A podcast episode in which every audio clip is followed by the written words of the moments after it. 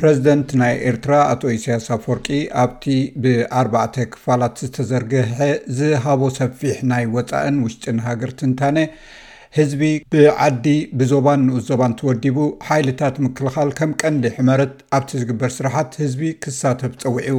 ኣብ ማእከል ከም ሕመረት ኮይኑ እቲ ሓይልታት ምክልኻል ክሳተፍ ክኽእል ኣለዎ፣ ዕጥቁ ከሕይል ክኽእል ኣለዎ፣ ተወዲቡ ክሰርሕ ኣለዎ። ንሓይልታት ምክልኻል ምስኡ ዘሎ እተፈላለየ ናይ ፖሊስ፣ ናይ ፀጥታ፣ ካልኦት ትካላት፣ ህዝባዊ ሰራዊት ዝዋሰብ ዘሳፍኣ ዘሎ ነዚ ሓላፍነት እዚ ተሰኪሙ ከተግብሮ ክኽእል ኣለዎ።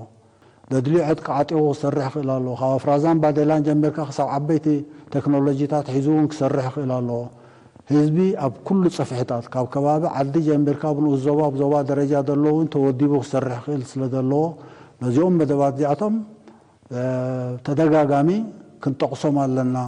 ኩሉ ኣብ ወጻእን ኣብ ውሽጥን ዝነብር ህዝቢ ኣብ ጎኒ ሓይልታት ምክልኻል ክስለፍ እውን ጸዊዑ።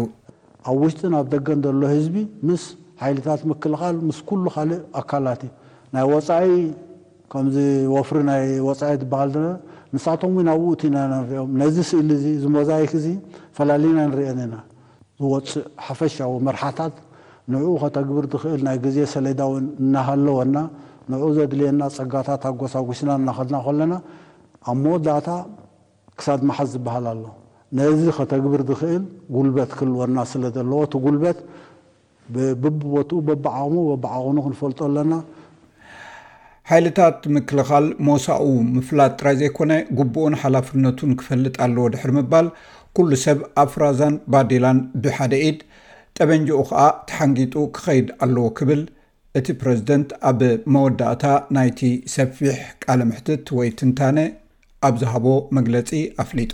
ሓይልታት ምክልኻል ሞስኡ ምፍላጥ ጥራይ ዘይኮነ ሓላፍነቱ ጽባሕ ድሕሪ ጽባሕ እውን ኣረጋጊጹ ክፈልጥ ክኽእል ኣለዎ። ኩሉ ሰብ ኣፍራዛን ባዴላን ብሓደ ኢድ ተሓንጊጡ ከኣ ጠበንጅኡ ክኸይድ ክኽእል ኣለዎ። You're with SBS Radio.